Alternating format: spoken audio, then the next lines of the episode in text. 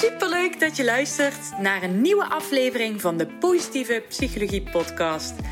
De podcast waarin ik je alles leer over de kracht van positieve psychologie, mijn eigen ervaringen deel en tips geef voor een positievere mindset. Zo leg jij de fundering voor een gelukkiger leven. Hoi, lieve luisteraars. Welkom bij een nieuwe aflevering van de Positieve Psychologie Podcast. Ik ga vandaag in gesprek met uh, Tember van der Steen. Zij heeft een boek geschreven, Dagboek van mijn depressie, wat binnenkort uitkomt. En ze had mij gevraagd of zij te gast mocht zijn in mijn podcast, wat mij superleuk leek, want uh, ja, alle uh, psychische taboes mogen hier eh, aan de orde komen. Ehm, Tember, welkom. Ja, hi. Hey, stel jezelf eens even kort voor. nou, um, hi allemaal. En natuurlijk, uh, hoi Eline. Als Hallo. eerst wil ik, je, wil ik je heel graag bedanken dat ik mijn verhaal mag vertellen in jouw podcast. Mm -hmm. um, nou, mijn naam is Tember, Tember van der Steen. Ik ben 32 jaar oud. Ik woon in uh, Amersfoort samen met mijn uh, beste vriendin en samen met mijn, uh, met mijn kat, Dennis. Um, nou ja, wat je al aangaf, ik, ik heb een boek geschreven. Eigenlijk heb ik het niet in één stuk geschreven, maar is het een publicatie van mijn dagboek. Ik hou al mijn hele leven een dagboek bij. En uh, ik heb ook al, zolang ik mij kan heugen, last van stemmingswisselingen. Ik zink dan regelmatig weg in mijn, uh, mijn sombere gedachten. En dan duurt het altijd weer een uh, paar maanden voordat ik me een beetje, ja, laat ik zeggen, normaal voel. Ik noem dat altijd dipjes. Mm -hmm. Wetende dat deze dipjes eigenlijk uh, een recidiverende depressie was. Nou ja, en straks komt mijn, mijn boek uit waarin ik hierover uh, over vertel. Wauw. Wat gaaf dat je zo lang een depressie, uh, of een depressie, een dagboek hebt uh, bijgehouden. Heeft je... De depressie was minder gaaf. ja, nee, sorry, dat was echt een ongelukkige verspreking. maar, um, ja, heb je, wat, wat, wat heeft het je voor moois gebracht om dat zo, al die periodes, die dipjes zo, bij, ja, echt elke dag op te schrijven wat er in je omging? Nou ja, ik, ik heb mijn dagboek altijd bijgehouden om uh, terug te kunnen kijken op mijn eigen gedachten en op mijn eigen gevoelens. En ook de dingen die, die zijn gebeurd. Het, het dagboek dat ge, heb ik altijd gebruikt om rust te creëren, om mijn chaotische gedachten wat te ordenen. Nou ja, mijn gedachten zijn al heel lang, zijn, zijn heel lang chaotisch geweest. Nou ja, en, en het klinkt een beetje suf, maar het past meer mensen die dat hebben gezegd het, het, dagboek was eigenlijk een soort vriend die altijd maar luisterde. Hmm. Ja, dat kan me heel goed voorstellen. En hoe, hoe, hoe ben je daarmee begonnen? Is het, was je al aan, in dat dagboek aan het schrijven voordat uh, die depressie begon? Of is dat hand in hand gegaan? Nee, ik, ik, ik ben al in mijn dagboek begonnen voordat mijn depressie begon. Ik, ik denk dat ik al uh, in mijn dagboek schreef toen ik nog een kind was. Mm -hmm. Toen schreef ik natuurlijk op van uh, lief dagboek, vandaag ging ik spelen met Jantje. En daarin gingen we naar de bioscoop en dat was leuk, groetjes Tember. Uh, later werd dat steeds persoonlijker en, en uh, ja, in, in, intiemer eigenlijk, de dingen die ik opschreef. Want mijn, mijn gedachten gingen natuurlijk ook steeds, werden steeds volwassener. Mm -hmm. um, ja, en er waren soms ook periodes dat ik niet schreef. Ik, ik ben altijd iemand geweest, in, tenminste ik, ik ben met mijn dagboek ik, ik, schreef voornamelijk in mijn dagboek als ik mij rot voelde. Dat waren momenten dat ik mijn gedachten niet geordend kreeg. Soms dan in periodes dat het goed met me ging. Dat schreef ik bijvoorbeeld ook een paar maanden niet. Ja. Dat gebeurde ook af en toe natuurlijk. En ik merk ook nu het um, weer goed met me gaat, schrijf ik ook veel minder in mijn dagboek. Maar het, het is voor mij iets, iets heel dierbaars. Uh, al, al mijn hele leven is het mij iets heel, is iets heel dierbaars voor mij. Mm. Ben ik eigenlijk wel heel nieuwsgierig, hè? want je zegt mijn dagboek is een soort van vriend die altijd luistert. Had jij ja. jouw dagboek, uh, dagboek ook een naam gegeven? Nee. Heb je dat? Nee. Oké. Okay. Nee. mijn, mijn dagboek heette gewoon dagboek Word document. Oké. Okay. Oh, het is niet geschreven, het is echt getypt. Ik, ik heb wel heel lang schriftjes bijgehouden. Ik heb ja. een hele stapel vol, maar ik ben uh, tien jaar geleden uh, ben ik ermee begonnen in een Word document. Oké, okay, en dat is uiteindelijk jouw boek geworden? Ja, dat is inderdaad. Mijn, mijn boek begint ook op het moment dat ik begin te typen in het Word-document. Op dat moment begint mijn boek. Ik heb mijn dagboek ook nooit aangeschreven met lief dagboek of uh, een naam gegeven. Dat heb ik nooit gedaan. Ik begon gewoon meteen met schrijven of typen, gewoon wat ik kwijt wilde. Hmm. Nou, mooi dat je dat zo heeft uh, bijgehouden over de jaren heen. Hey, ja. en jouw depressie, kan je daar wat over vertellen? Hoe, hoe, hoe ontstond dat? Ja, er is niet, uh, ik, ik kan niet een duidelijke reden aanwijzen waarom ik ehm, depressief werd. Wat ik al mhm. zei, ik heb heel veel depressies gehad. Ik noemde dat dipjes, maar ik wist dus op dat moment nog niet dat het een depressie was. Uh, noem me naïef of uh, wat dan ook. Maar ik, ik, ik, wist dat simpelweg niet. Ik dacht dat het bij mijn karakter hoorde. Nou ja, nadat ik de zoveelste dip achter de rug had, kreeg ik uiteindelijk mijn ergste depressie ooit. Toen had ik ook vrij vlot door dat dit echt een depressie was. Ehm, op een gegeven moment waren er te veel brokstukken op mijn pad gegooid. Ben ik volledig ingestort. Ja, en dat soort brokstukken, dat zijn allemaal kleine dingen geweest. ik heb toen in korte tijd te veel veranderd in mijn leven. Mijn relatie ging uit. Ik was verhuisd. Ehm, ik kreeg ander werk. Dat zijn allemaal dingen geweest die ik op dat moment niet aankon. En het heeft wel geleid tot, uh, tot de donkerste periode in mijn leven. En een duidelijke aanwijzing, ja, ik, ik wou dat ik het kon aanwijzen. Dat had ik toen ook gezegd. Ik wou dat, dat ik het wist. Ik, ik, wist het niet en daardoor voelde ik me ook eigenlijk extra slecht. Ik zag iedereen om mij heen een normaal leven leiden en leuke dingen doen. En ik, ik kon het niet. Ik, ik kon niet meer, niet meer opstaan en ik, ik wilde het niet eens meer proberen. Ik, ik wilde hier niet meer zijn. Ik, ik, uh, ja, ik wil niet meteen te veel in detail treden. Ik wil natuurlijk wel dat mijn, mijn boek ook een beetje interessant blijft straks. Maar uh, ik, ik wilde op dat moment gewoon niet meer leven. Dat betekende niet dat mijn angst voor de dood, uh, die, die was niet weg. Alleen mijn wil om te leven was, was dat wel. Hmm. En, en die, uh, dat is dus telkens weer in zo'n periode die terugkwam? Of was dit echt het, jouw dieptepunt, zeg maar? Dit is mijn dieptepunt geweest. Ik, ik heb wel, wel vaker suïcidale gedachten gehad. Alleen um, in de mate als dat ik het toen had, dat heb ik niet eerder gehad. Oké. Okay. Um, het, het, was, ik was inderdaad vaak, ik had vaak donkere gedachten. Maar wat ik zeg, zo erg dat het toen was, dat, dat was niet eerder geweest. Dat is niet mhm. eerder geweest. Ben je toen ook overgegaan tot actie? Als ik uh, iets te diep vraag, moet je me gewoon stop zeggen. Nee, nee hoor, je mag het vragen. Uh, ja, toen ben ik overgegaan op actie. Okay. Eigenlijk mijn moeder. Uh, ik, ik heb in mijn, uh, in mijn puberjaren al wel eerder ik bij een psycholoog gelopen. Mm -hmm. Ik heb mijn therapie nooit afgemaakt. Op het moment dat het te heet onder de voeten werd, dan, dan ging ik weg. Want ik ben, ik ben nu heel open. Maar ik ben heel lang heel gesloten geweest. Ik praatte er niet over. Heel veel mensen wisten het niet van mij. Mm En op het moment dat ook de psycholoog er dichtbij kwam, dan was ik ook weg. Oké. Ik, ik, kon er niet over praten. Alleen toen ik dus in mijn, in mijn dieptepunt zat. Ik, ik weet het nog heel erg goed. Ik, ik lag toen in mijn bed. Ik lag toen altijd in bed.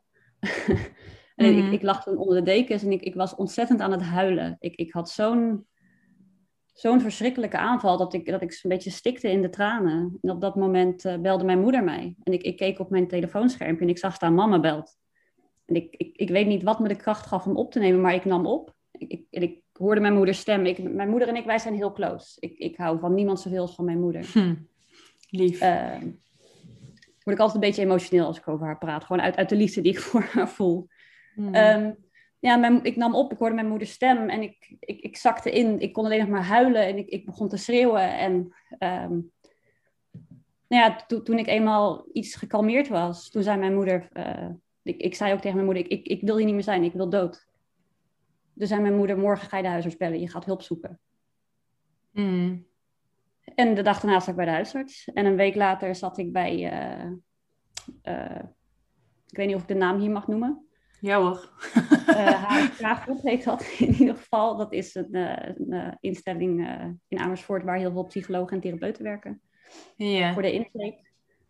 Daar heb ik ook mijn verhaal gedaan. Toen kreeg ik ook testen mee naar huis. Die moest ik thuis maken. Mm -hmm. nou ja, en daar kwam uit dat ik dus heel hoog scoorde op, op depressie. Mm -hmm.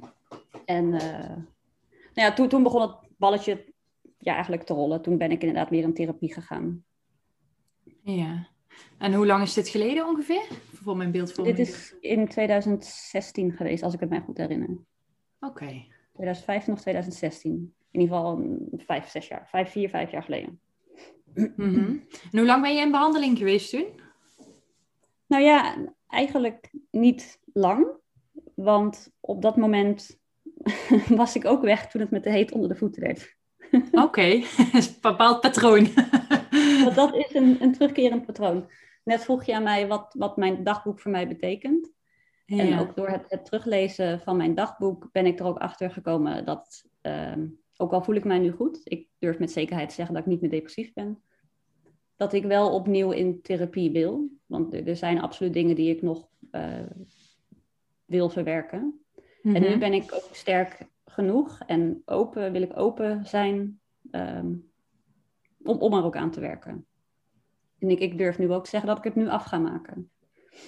Hmm. Dus alles samen was een weg ernaartoe om ervoor te zorgen dat je er klaar voor was eigenlijk.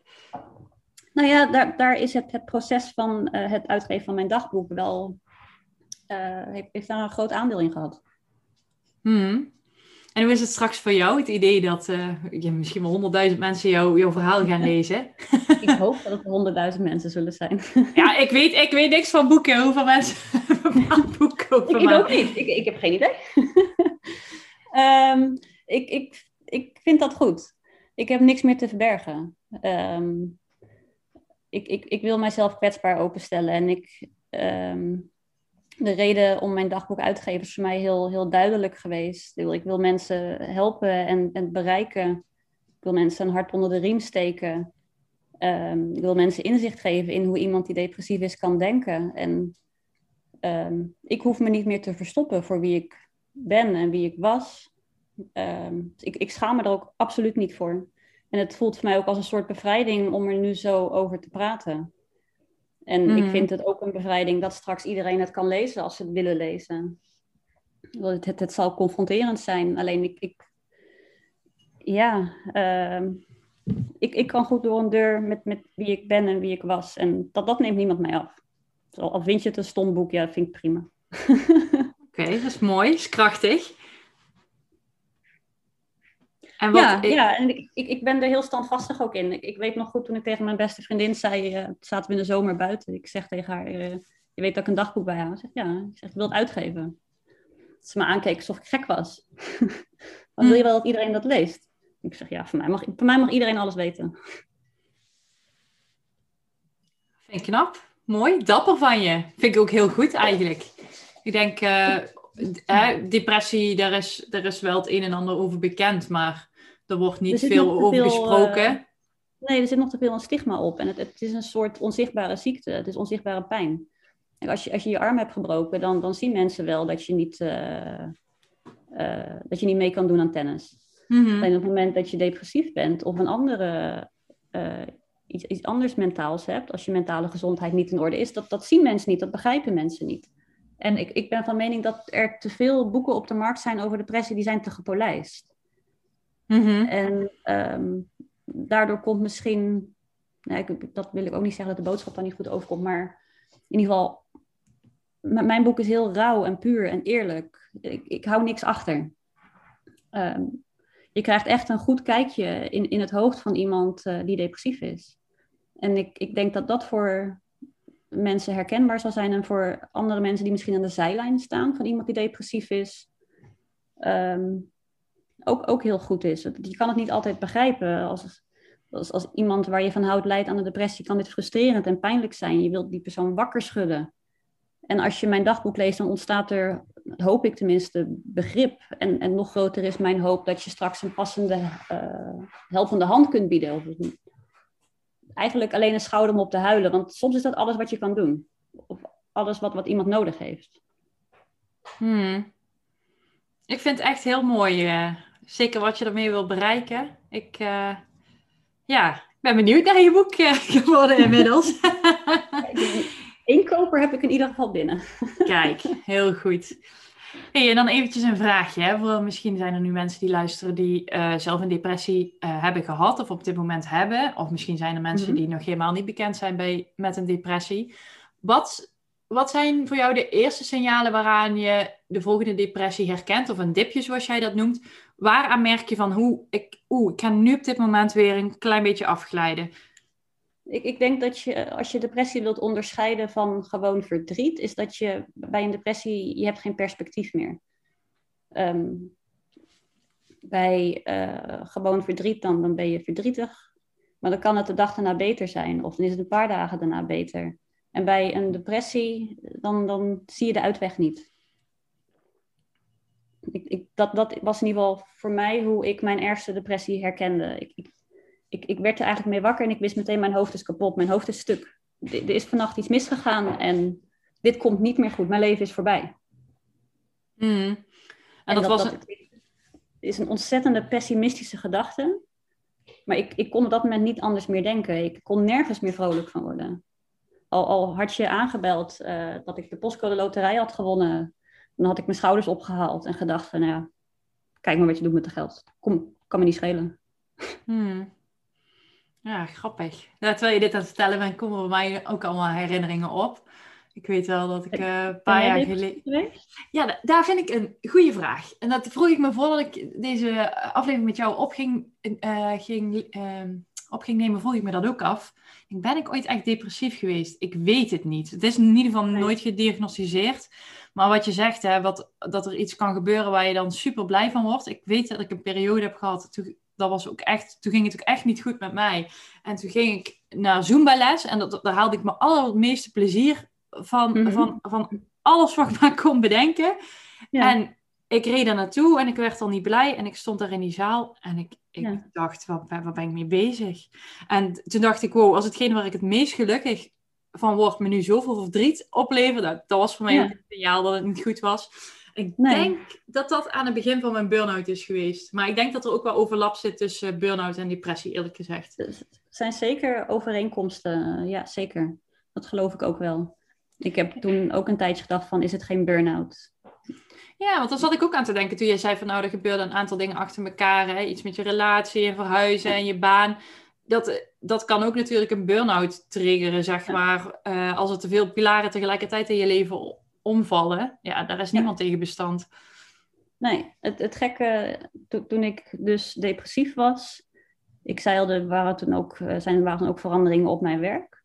Mm Alleen toen ik heel depressief was, was daarna eigenlijk mijn werk de enige plek waar ik wilde zijn. Ik, ik kon niet thuis zijn. Thuis haatte ik alles. Ehm, en ik, uh, ik heb zo lang mogelijk en zoveel mogelijk doorgewerkt. En dat mhm. was het enige waar ik mij, waarvoor ik mijn bed uitkwam en waar ik soms het idee had dat ik enigszins kon functioneren. En, en daarom dat ik uiteindelijk begreep dat het geen burn-out was. Mhm. Ja, dat snap ik. Dus werk was echt iets wat voor jou zorgde voor ritme en structuur. Ja, een soort, soort houvast. Ik weet nog hmm. de dag dat toen ik op een gegeven moment met lood in mijn schoenen naar mijn werk ging, omdat ik een, een vervelend gesprek met mijn uh, werkgever moest voeren over mijn, uh, mijn opleiding op dat moment. Mm Ging met lood mijn schoenen naar mijn werk. En dat ik toen in de auto naar mijn werk zag en, zat en dacht van, als dit nu ook tegen zit, dan heb ik niks meer. Dan, dan is het echt over. En dat, hmm. mijn werk betekende toen heel veel voor mij. Ja, dat kan me heel goed voorstellen als ik jouw verhaal zo hoor. Hè? Echt een doel in het leven op dat moment. Ja, ja, dat was echt, ja, dat was het inderdaad. Daarvoor kon, kon ik mijn bed nog uitkomen. Terwijl als ik een dag vrij was, werd ik gek. Lag ik de hele dag in mijn bed naar de wc gaan, was een onmogelijke opgave. Hmm. Had dat er ook mee te maken dat je niet graag thuis was, omdat je thuis heel erg associeerde met in bed liggen de hele dag? Nee, ja, ik, ik, ik haatte het thuis omdat dit nieuwe huis zo'n beetje rond dezelfde tijd als mijn depressie in mijn leven kwam. Ah, ik associeerde het met mijn depressie. Ja. Het heeft lang geduurd voordat ik me hier thuis heb kunnen voelen. En nu voel ik me ontzettend thuis. Ik ben heel blij met mijn huis. Ehm, maar dat heeft even mogen duren. Hmm, dat is niet erg. Mooi proces. Ben je ook dankbaar voor wat je hebt uiteindelijk?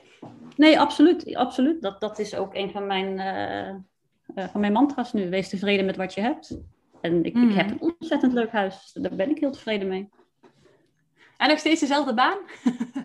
Ook nog, ja, zeker weten. Oké, wat doe je? steeds dezelfde baan.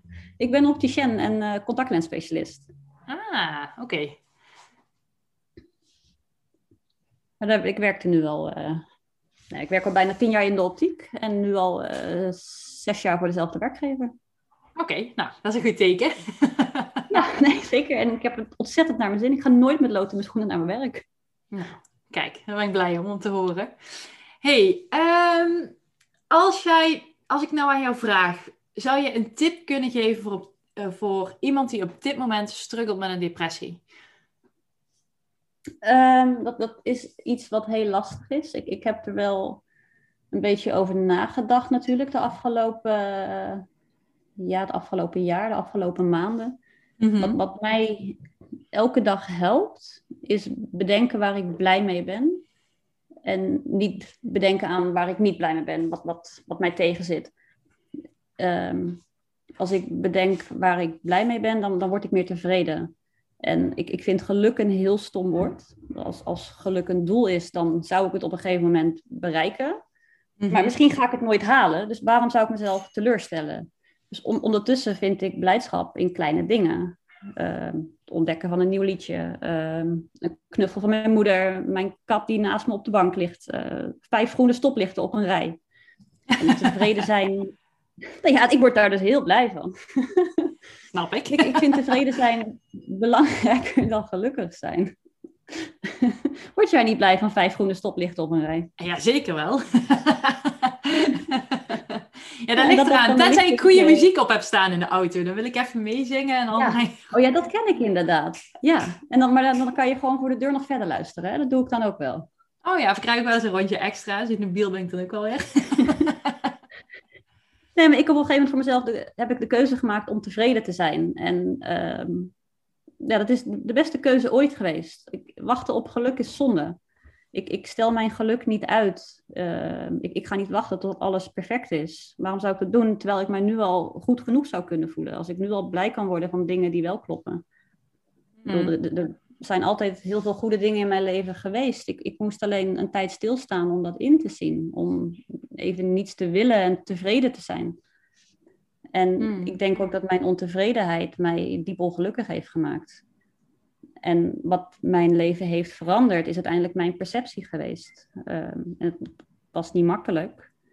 Terwijl het eigenlijk het, het enige wat ik moest doen, was mezelf leren om op een andere keer naar mijn leven te kijken. Minder kritisch, de focus leggen op de dingen die, die wel goed zijn. Hmm. Ehm, mijn, mijn focus is verschoven naar het hier en nu. eh, naar wat er wel is. En niet naar wat er mist of naar wat er beter kan. Daar heb ik niks aan. En het, vind het stiekem zelfs een beetje zweverig klinkt. Maar ik, ik hou mij dit, dit bijna elke dag voor. Van wat, wat is er nu? Ik zie bijvoorbeeld, ik kijk nu om me heen en dan, dan zie ik mijn kat. Daar, daar word ik dolgelukkig van. Ja, en misschien heeft iemand anders een hele leuke hond. Daar kan ik heel jaloers op zijn. Maar daar heb ik niks aan. Want ik heb deze hele leuke kat. En die heeft die ander dan weer niet. Nee, dat is ook zo. Weet je wat ik grappig vind? Je zegt het heeft te maken met perspectie. En dan denk ik aan jouw beroep. en dan denk ik, je ziet nou gewoon letterlijk leven door een andere bril. Eh, ja, ik, het leven op een andere... Ja, zeker. Iemand anders, een vriend van mij maakte laatst het grapje... als titel voor mijn boek, De Opticien die het niet meer ziet zitten. Daar moest ik ook wel om lachen. Och, geweldig. Leuk. ja, mooi.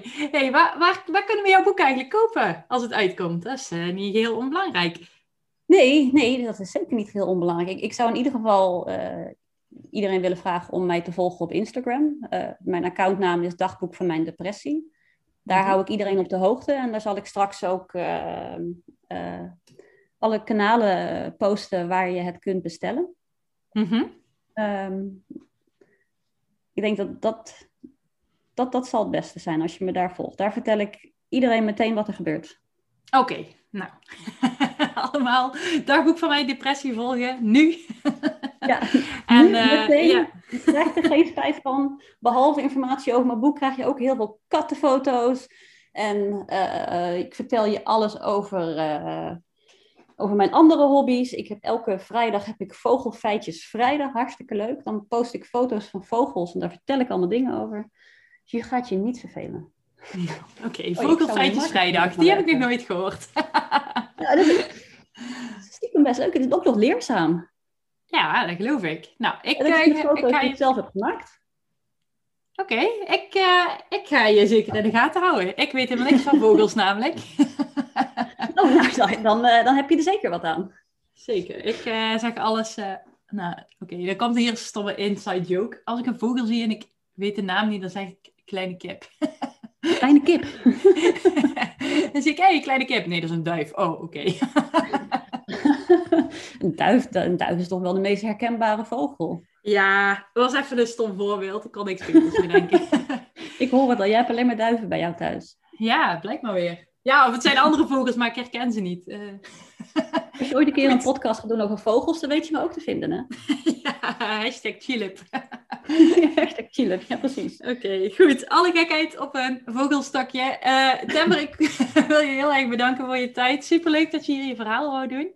Ja, ook, ook bedankt. En ook bedankt uh, dat je dit met mij wilde doen. En iedereen die heeft geluisterd, bedankt voor het luisteren. Ook als je vragen hebt, mag je ze me altijd stellen.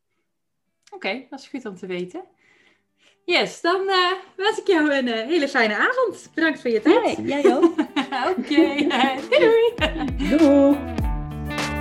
Heel erg bedankt voor het luisteren. Mocht je deze aflevering interessant hebben gevonden, maak even een screenshot, deel het in je story en tag me op Instagram.